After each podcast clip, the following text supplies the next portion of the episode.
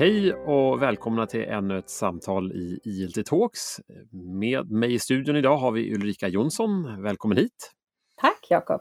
Och jag som pratar heter, som Ulrika mycket väl säger, Jakob Skogholm, är VD på Inläsningstjänst. Och Ulrika, du, är, ehm, du jobbar vid Utbildningskontoret Södertälje och eh, med strategi och verksamhetsstöd inom IKT och eh, digitalisering. Är det en bra beskrivning? Det skulle man kunna säga. Ja, du har helt rätt, jag jobbar som IKT-strateg för samtliga skolformer i Södertälje kommun på utbildningskontoret. Det innebär att jag handhar vår digitaliseringsstrategi och ansvarar för uppföljningen på den, att vi verkligen ska komma i mål med de digitala förutsättningarna som vi sätter upp för våra verksamheter tillsammans med verksamheterna såklart. Och, och det där med samtliga verksamheter, det är ju från förskolan till yrkeshögskolan, så det är ett ganska brett område att jobba med, vilket gör att det blir en väldig dynamik men också ett stort fält att spänna över. Men man kan mm. också säga att frågorna är ofta likartade men vi måste tvika lite på hur vi gör saker beroende på vilken målgrupp vi har av studenter eh, eller eh, barn. Då, då. Mm. Jätteintressant och det är ju ett eh, tämligen intressant tillfälle att prata med dig. Eh, alla känner ju till pandemin, det har inte gått någon eh, förbi och det tänkte vi skulle prata om idag lite grann, hur man utifrån din roll kan stötta skolor och vad du har lärt dig under det här året där om jag förstår det rätt, du har ju varit väldigt drivande då i att, att få skolorna, hjälpa lärare och hjälpa skolorna att ställa om. Kan man Absolut. beskriva det så? Det kan man göra. Det här är en omställning från att ha haft närundervisning, det som vi allra, allra helst har och som vår skolminister alltid pratar sig varm för, att vi vill hålla skolorna öppna så långt det går. Vi vill ha barnen och eleverna på plats för vi vet att det blir den bästa undervisningen. Men om vi inte kan det, då behöver vi ställa om så att vi verkligen kan göra det här digitalt. Då behöver vi ha hygienfaktorer, kontohantering, det behöver finnas teknik på plats, det behöver finnas eh, modem eller uppkopplingar via nät. Alla har inte uppkoppling, hur gör vi med det? Sen måste man kunna hantera tekniken och sen göra en god undervisning med kvalitet eh, i de här verktygen som vi har. Då. Och då har vi jobbat med det i Södertälje. Så mitt mm. år har varit totalt helt på distans. Jag jobbar 100% på distans hemifrån mitt hem eh, och möter då samtliga skolformer den vägen. Både då verksamhetschefer för olika skolformer, ledningsgrupper på skolor, lärare, förskollärare och så vidare. Och om man ska sammanfatta din, din, din uppgift här, det är att stötta dem och driva på digitaliseringen i alla dessa skolformer. Är det en bra Ja, stö, stötta och, och stötta, ehm, kan man väl säga, utmana, lite grann störa och beröra och skrapa lite extra på ytan när det kan vara lite jobbigt och obekvämt, men alltså ge ett, ett positivt stöd. Men också när det liksom tar emot att verkligen få eh, grupper att komma vidare. Alltså det handlar egentligen inte om, om tekniken utan det handlar ju också mycket om ett förhållningssätt och ett, alltså vara förändringsagent kan man väl säga. Mm, mm. Och, och, i det så kan man kan vi också se att vissa saker det handlar om möten, där det handlar om att coacha till ett sätt. Hur ska vi göra det här utifrån de förutsättningar ni har på er specifika skola eller förskola eller område? Eller hur ska den här rektorsgruppen agera nu? Hur kan jag stötta dem i det här arbetet? Vad ska vi fatta för strategiska beslut? Behöver vi köpa in något nytt, göra en större upphandling på någonting mm, under mm. pågående brinnande pandemi? Och då måste man ju ha koll på vad händer där ute? Vad är det man behöver i verksamheterna? Och hur gör vi det på bästa sätt? För mm. att det också sen ska komma ut. Mm. Och då har jag jobbat eh, framförallt i, alltså, dels är det ju möten, alltså online-möten eh, eller samtal, men också med webbinarier, löpande webbinarier. Det är ju ett sätt att stötta. Mm. Eh, öppna webbinarier där lärare kan ansluta om man känner att man har behov av att fråga någonting. Där vi inte är ett tema utan du kan ställa de frågor du vill och så har vi någon som är tekniskt kunnig, någon som är mer systemkunnig och jag som jobbar med mer metoderna, strategierna, didaktiken mm. i de här verktygen och kan stötta med det. Och innan vi går in, jag tänkte backa ett steg. Mm. Jag tänkte så här, du kan ju, nu har vi gått lite drygt ett år från att den här pandemin startade. Eh, om du skulle vilja sammanfatta liksom, hur började det här? Hur, vad hände hos er första veckan och hur, hur har det här Oj. utvecklats hos er? Det, det, är bara en liten historiebeskrivning ja, här. Det absolut. kan vara väldigt kul att reflektera över. Det ska vi göra. Eh, den 13 mars eh, 2020 så vaknade jag på morgonen och jag hade varit på konferenser i veckan. Jag hade varit med SKR Commentus bland, SKL Commentus bland annat. Eh, och eh, varit på lite utbildningar och några konferenser och vaknat på fredagen hemma och eh, jag, eh, jag har bevakat media, jag har lyssnat av radio, presskonferenser, allting som händer, haft lite samtal med utbildningar på olika universitet och sådär. Och då ringde jag min chef och sa, du, jag behöver jobba hela helgen, jag behöver jobba så mycket jag kan till nästa vecka för vi kommer gå fjärrundervisning. Mm. Det här var innan? Ja, ja, det var innan beslutet Det var när man började kom. misstänka att det kanske Yes. skulle komma något sånt. Ja, precis. Det var den 13 mars. Och Mm. så var det, för då började jag bygga virtuellt stöd, alltså stöd i det vi kallar för det virtuella skoldatateket i Södertälje. Vi hade mycket stöd där innan, men jag byggde snabbt om det för det behöver vara kanske ännu mer konkret när man är på distans. Och jag insåg att jag kommer ju inte träffa de här lärarna. Utan jag, de kommer behöva ha så mycket filmer att titta på. Var klickar jag? Hur gör jag? För att även om vi tror att vi vet allt det där, vi kan mycket, och det kanske vi vet när vi träffar varandra, men ska vi göra det här med hög kvalitet och kunna leverera en undervisning så behöver det liksom sitta i ryggmärgen. Och vilka, vilka typer av system var du fokuserad på där i början då? Alltså, I början fokuserade jag på eh, man, vårt Teams och Microsoft Office 365, för vi är en Microsoft-kommun på utbildningskontoret. Det är det systemet vi använder. Och sen även på de hjälp och stödverktyg som vi har, alltså uppdatera de eh, filmerna. Finns det manualer? Var hittar man det här? Hur går inloggningarna till? Mm, mm. Så alltså, sådana saker behöver man veta. Var får jag support någonstans? Hur Mm. vet jag det? Hur sammanfattar man det på ett snabbt, enkelt sätt så att det blir överskådligt för de som är längst ut på linan som gör det fantastiska arbetet med våra elever varje dag? Sådana saker var jag tvungen att skapa upp.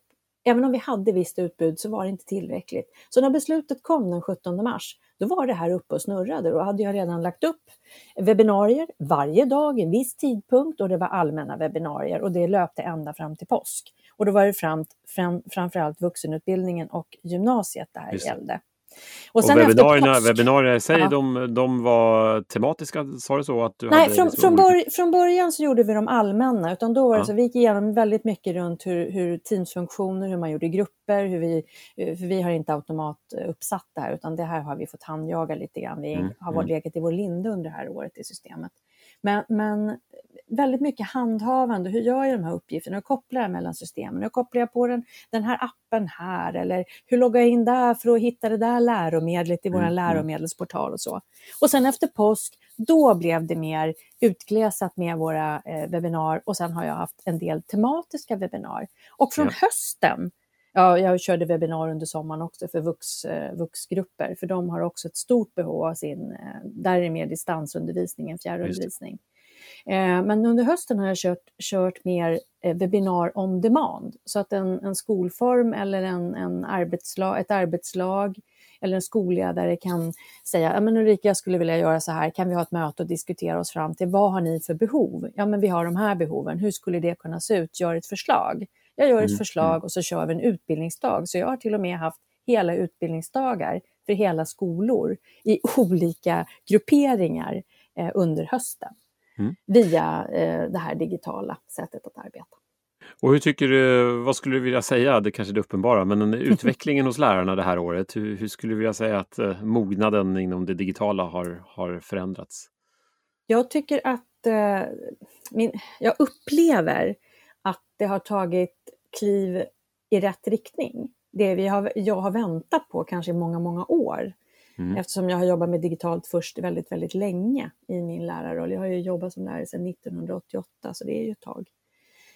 Um, och det, det har hänt mycket, men, men jag tror också att för att kunna göra det där lilla extra i det här så behöver man lugn och ro. Man behöver förvalta det vi har lärt oss under det här året, att landa i alla de saker för att kunna gå in på djupet och se men hur kan vi verkligen skapa djupt gående kvalitet i att arbeta på distans. För det tror jag, där är det lite, lite grann kvar att göra.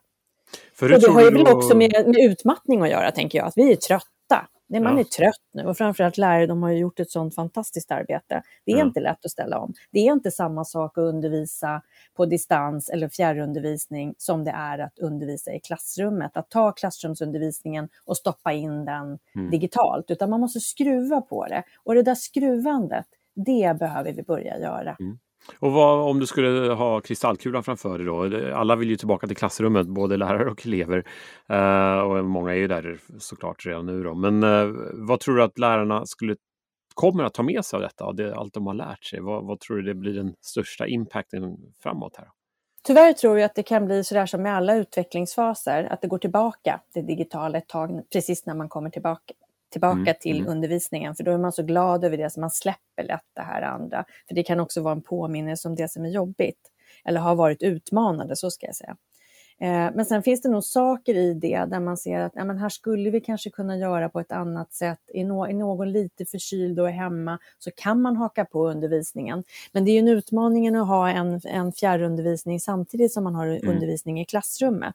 Så den delen hoppas jag att vi ska kunna hålla i, hålla ut och hålla kvar och utveckla eh, för, för framtiden. Däremot så tänker jag större möten med, med lärargrupper grupper, vårdnadshavare, informationsmöten, mässor, sådana saker som också har en koppling till skolor. Mm. Eh, och som jag då som håller på mycket med att, att titta på verktyg, hur de fungerar och hur man kan omsätta dem i praktiken. Hur skulle det se ut i praktiken när man använder de här och för vem? Till exempel era, era inlästa läromedel eller polyglutt eller något liknande. Hur, hur kan vi jobba med det? Sådana mm. eh, webbinar, det tror jag vi kommer kunna ha mycket mer på bredden för många, många fler än vad vi haft förut för att vi kan ha det på distans. Och då mm. kan man vara kvar på sin egen skola, vi slipper transporter och parkeringsbekymmer och hela den där biten som, som ställer till det för så många i vardagen.